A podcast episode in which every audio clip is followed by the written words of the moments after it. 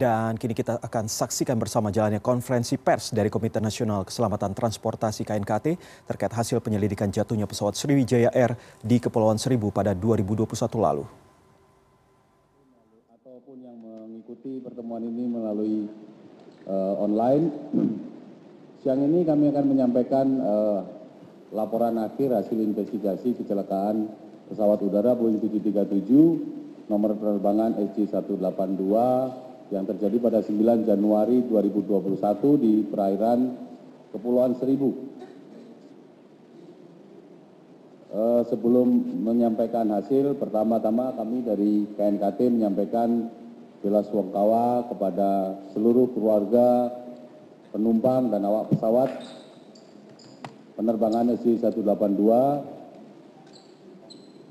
Yang berikutnya kami dari KNKT menyampaikan bahwa mendedikasikan laporan yang kami buat dalam kecelakaan SC182 ini untuk Bapak Haryo Satmiko, Wakil Ketua KNKT yang meninggal dunia pada 18 Oktober 2022. Yang berikutnya, kami mohon maaf bahwa Ketua KNKT tidak bisa hadir hari ini karena beliau sedang menjalani isolasi mandiri sehingga diwakili oleh saya Nur Cahyo Utomo Ketua Subkomite Investigasi Kecelakaan Penerbangan sekaligus pimpinan tim investigasi atau investigator in charge untuk kasus investigasi uh, penerbangan SC182 saya didampingi dari paling ujung sebelah kiri Pak Oni investigator KNKT beliau sebagai ketua kelompok atau grup leader bidang maintenance dan engineering. Sebelah kiri saya Pak Widura Imam Mustopo, staf ahli KNKT yang juga sebagai ketua sub uh, ketua kelompok untuk bidang uh, human factor. Di sebelah kanan saya Kapten Prita Wijaya, beliau adalah grup leader di bidang operasi dan paling ujung adalah wakil dari sekretariat KNKT Pak Yud yang berikutnya adalah KNKT ingin menyampaikan terima kasih kepada seluruh pihak yang telah membantu terlaksananya hingga selesainya investigasi kecelakaan SC182 yang tidak bisa kita sebut satu persatu karena banyak sekali pihak yang terlibat, hampir seluruh kementerian, institusi pemerintah, eh, pemerintah daerah, TNI, semuanya terlibat. Jadi kami tidak bisa menyebut satu persatu dan kami mengucapkan terima kasih kepada seluruh pihak yang telah membantu terlaksananya investigasi ini hingga selesai dan diterbitkan laporan uh, akhir pada hari ini. Sebagai pengingat bahwa kami KNKT melakukan investigasi mengikuti dasar hukum sesuai dengan Undang-Undang Nomor 1 Tahun 2009 tentang penerbangan, di mana pasal 357 mengatakan bahwa investigasi dilakukan untuk tujuan untuk menentukan penyebab kecelakaan dan mencegah kecelakaan dengan penyebab yang sama. Pasal 359 menyatakan bahwa hasil investigasi tidak dapat digunakan sebagai alat bukti dalam proses peradilan. Jadi eh, investigasi KNKT lebih ditujukan sebagai mendapatkan pembelajaran atau lesson learned untuk keselamatan eh, penerbangan. Berikutnya dalam uh, investigasi penerbangan SJ182 ini, investigasi dipimpin oleh KNKT dan kita mengikuti protokol dari IQ Annex 13, di mana salah satunya mengizinkan peran serta dari beberapa negara, antara lain negara yang mendesain dan membuat pesawat, dalam hari ini Amerika Serikat, yang diwakili oleh National Transportation Safety Board atau NTSB, ntsb juga dibantu oleh federal aviation administration badan otoritas badan penerbangan amerika. Kemudian juga dibantu oleh boeing sebagai pabrikan pesawat dan dibantu oleh general electric sebagai pabrik pembuat mesin. Dalam investigasi ini knkt juga dibantu oleh transport safety investigation bureau atau tsib dari singapura. Kerjasama ini berdasarkan dari perjanjian kerjasama asean di mana negara anggota asean akan saling membantu negara yang lain yang sedang melakukan investigasi. Knkt juga dibantu oleh air accident investigation branch atau aaib dari inggris. Hal ini terkait dengan beberapa komponen yang pemeriksaannya dilakukan di pabrikan yang pabrikannya kebetulan berada di inggris. Hal ini terkait beberapa komponen komputer yang kita periksa berikutnya data yang kita peroleh untuk investigasi. Jadi kita sudah bisa mendapatkan kedua flight recorder atau rekaman penerbangan black box yaitu terdiri dari flight data recorder dan cockpit voice recorder. Dan datanya sudah berhasil diunduh di fasilitas black box-nya knkt fdr merekam atau flight data recorder merekam 370 parameter selama 27 jam penerbangan termasuk di dalamnya penerbangan yang mengalami kecelakaan.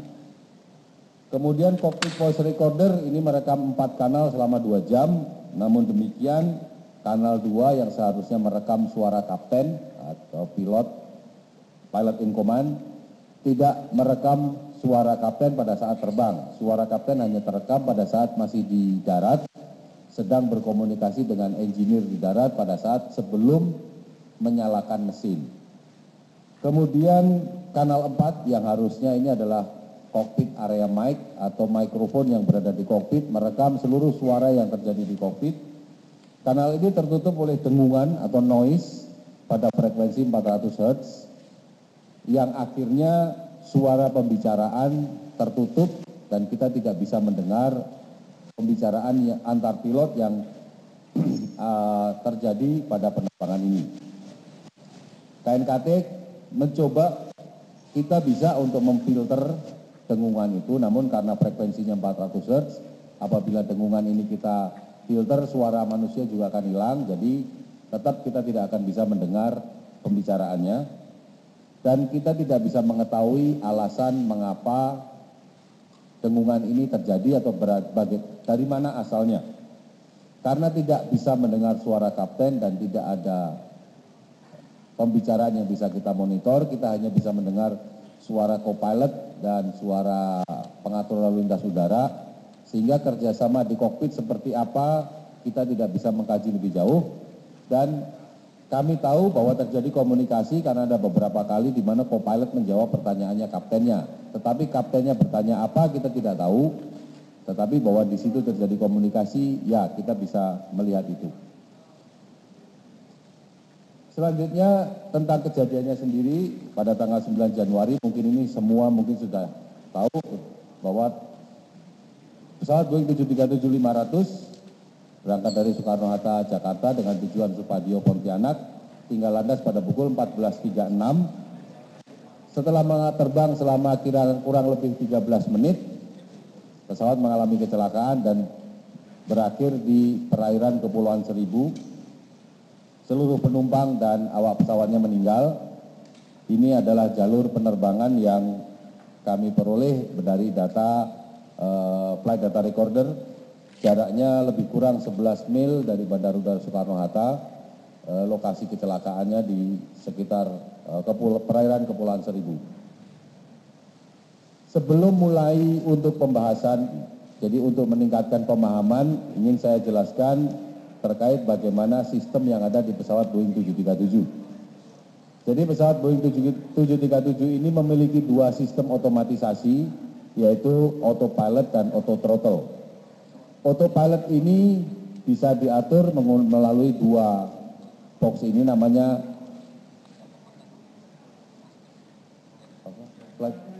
Flight Management Computer atau FMC di sini orang kita pilot bisa memprogram untuk satu penerbangan dari Soekarno-Hatta, runway landasan yang mana, rutenya ke mana, ketinggian berapa, kecepatan berapa, mereka bisa program sampai nanti terakhir di tujuannya di mana, ini bisa diprogram. Apabila penerbangannya ternyata tidak sesuai dengan yang direncanakan yang sudah diprogram,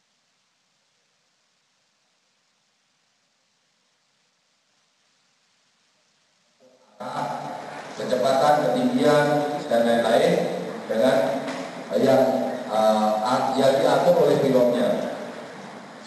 Hasil dari pengaturan autopilot ini bisa terlihat atau muncul di namanya flight instrument di situ ada kecepatan, ketinggian, sikap pesawat, kecepatan naik, kecepatan turun, arah dan lain-lain ini bisa dilihat dan akan muncul di uh, kiri depannya kapten maupun depannya co-pilot. Otomatisasi yang kedua adalah auto throttle yaitu adalah uh, sistem yang akan mengatur tenaga mesin sesuai dengan kebutuhan dari autopilot. Jadi apabila autopilot membutuhkan tenaga mesin tertentu, maka autopilot akan mengatur untuk mendapatkan atau mesin menghasilkan tenaga sesuai yang dibutuhkan.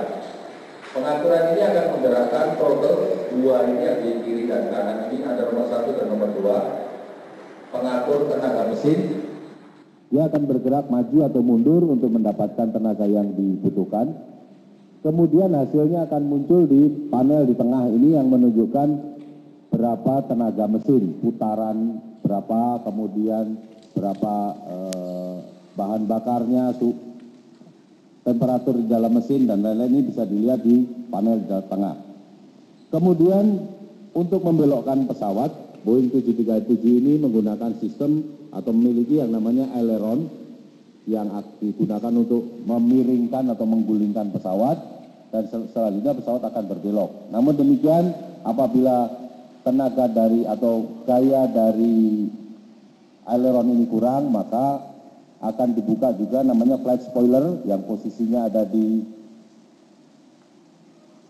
tengah sayap, ini ada di kiri kanan. Nah, kalau memang ini membuka, dia juga akan menghasilkan membantu untuk membelokkan pesawat. Kendali dari aileron dan uh, flight spoiler ini diatur oleh autopilot. Diharapkan dengan sedikit penjelasan bagaimana sistemnya di pesawat Boeing uh, akan memberikan pemahaman bagaimana uh, kecelakaan terjadi dan bagaimana sistemnya. Berikutnya kami akan menyampaikan visualisasi dari flight data recorder. Jadi ini adalah hasil yang kami peroleh dari aplikasi atau software yang kita miliki, jadi data dari black box itu kita masukkan ke dalam software, kemudian akan muncul seperti video bagaimana pergerakan pesawat. Sebelum diputar videonya untuk diberikan pemahaman bahwa pertama pesawat ini sudah terbang miring ke kanan, ini penunjuk sikap pesawat miring ke kanan. Kemudian di sini ada mode autopilotnya, di sini tertulis N1, MCP SPD, HDG SEL, dan CND. Di sini muncul arah pesawatnya, ini ketinggian 7.500. Pesawat naik dengan kecepatan naik hampir 4.000 feet per menit. Kemudian ini petunjuk mesin yang tadi saya sampaikan. Di sini terlihat bahwa jarum kiri dan kanan relatif sama posisinya, sama-sama di jam 8, sama-sama di jam 7, jadi kiri dan kanan tenaga mesinnya kira-kira sama. Ini posisi pengatur atau thrust lever, tuas pengatur tenaga mesin, posisinya sama, kira-kira sedikit yang kiri agak di depan. Ini posisi kemudi, kemudinya ada relatif di tengah, meskipun pesawatnya miring ke kanan. Jadi pada saat pilot membelokkan atau autopilot membelokkan pesawat, maka kemudi ini akan berbelok sebentar, tetapi setelah sudut kemiringannya tercapai, dia akan kembali ke tengah. Jadi apa yang terjadi dengan penerbangan itu kira-kira dari hasil data recorder gambarnya adalah seperti ini. Pesawat naik dengan ketinggian atau kecepatan naik 4000 di sini berubah tadinya berubah menjadi PS ini artinya sudah berubah menjadi eh, diatur melalui MCP terlihat di sini throttle yang sebelah kiri mulai mundur tenaga mesin juga mulai berkurang kemudi juga sudah mulai berbelok ke kanan kemudian kecepatan naik pesawat mulai berkurang yang tadinya sekitar 4000 sekarang menjadi sekitar 2500 dan 2000 kemudi semakin berbelok ke kanan kemudian di sini pesawat masih berbelok ke kanan, sudutnya kira-kira 15. Berikutnya melewati ketinggian 10.000, kecepatan naik pesawat sudah berkurang menjadi 2.000.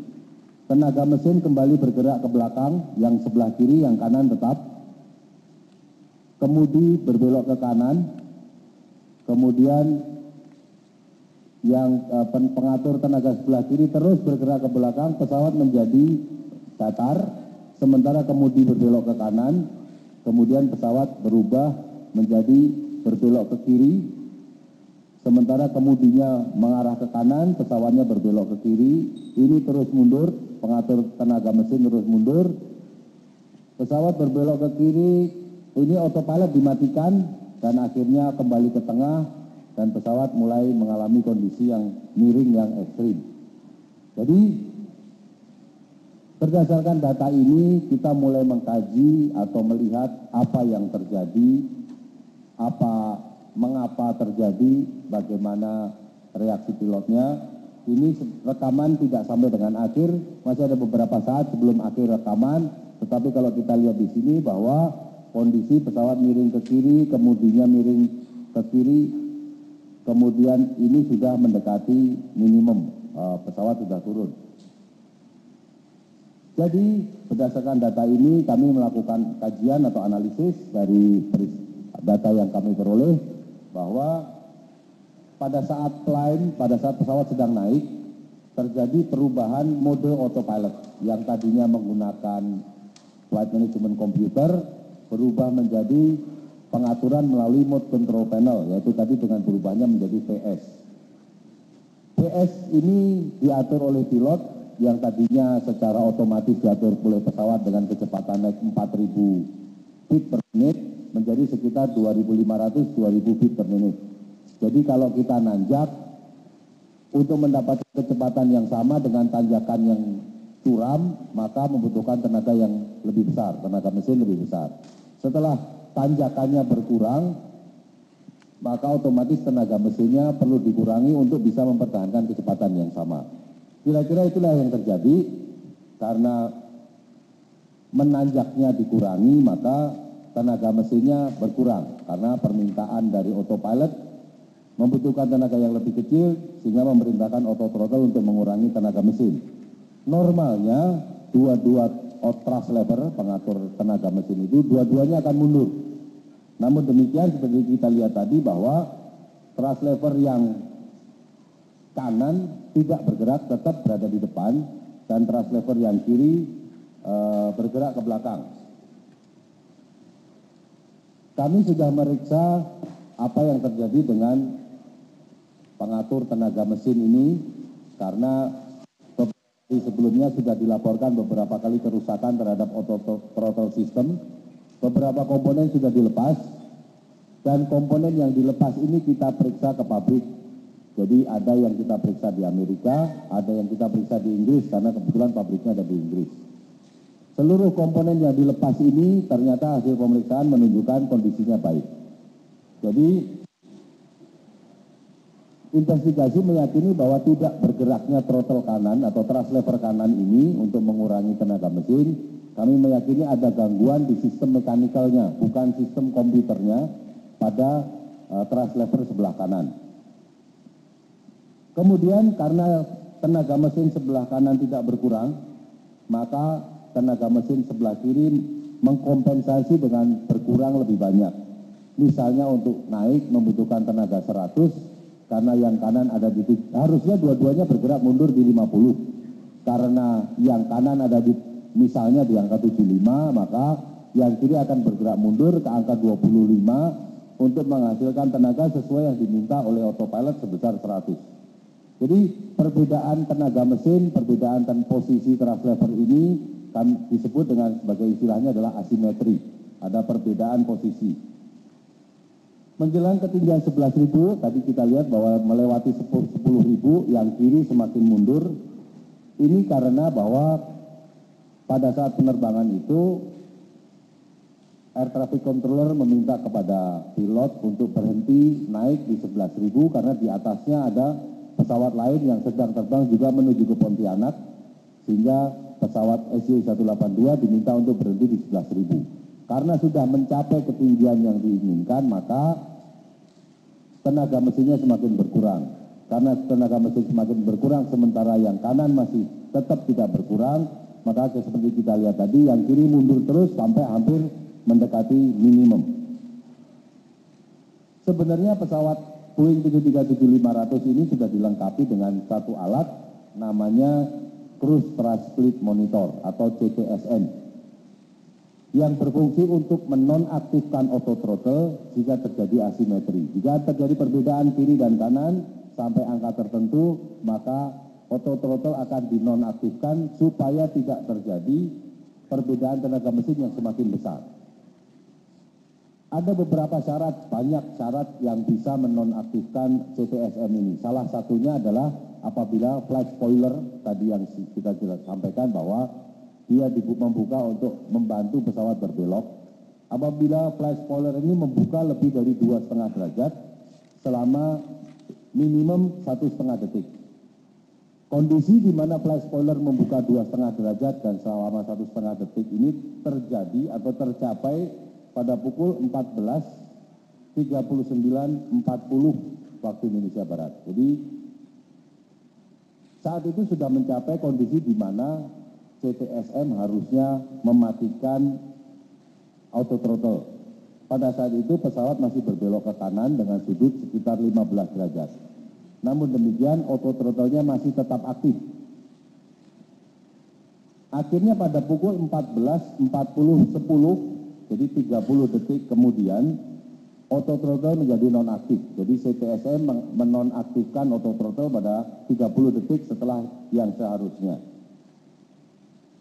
Investigasi meyakini bahwa keterlambatan ini disebabkan karena ada pengaturan flight spoiler yang tidak sesuai sehingga pembukaan sudut yang itu tadi konferensi pers yang dilakukan oleh KNKT yang saat ini sedang berbicara adalah Nur Cahyo Utomo ketua subkomite investigasi kecelakaan penerbangan KNKT ada beberapa poin yang sempat saya rangkum dari pernyataan dari Nur Cahyo Utomo di mana investigasi KNKT ini lebih mendapatkan pembelajaran untuk keselamatan penerbangan bukan untuk barang bukti di persidangan.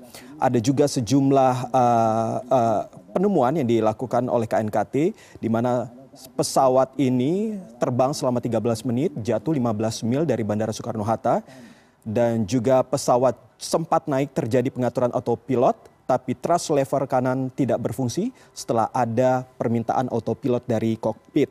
Lalu juga ditemukan ada kerusakan pada bagian mekanikal, bukan pada sistem komputer pesawat.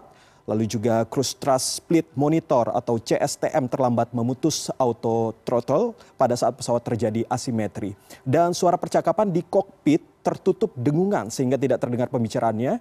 Alasannya mengapa bisa terjadi KNKT tidak mengetahuinya. Lalu juga suara kapten auto atau pilot tidak terekam saat terbang dan hanya di darat saja. Nanti kami akan lanjutkan konferensi pers yang dilakukan oleh KNKT terkait dengan jatuhnya pesawat Sriwijaya Air pada tahun 2021 lalu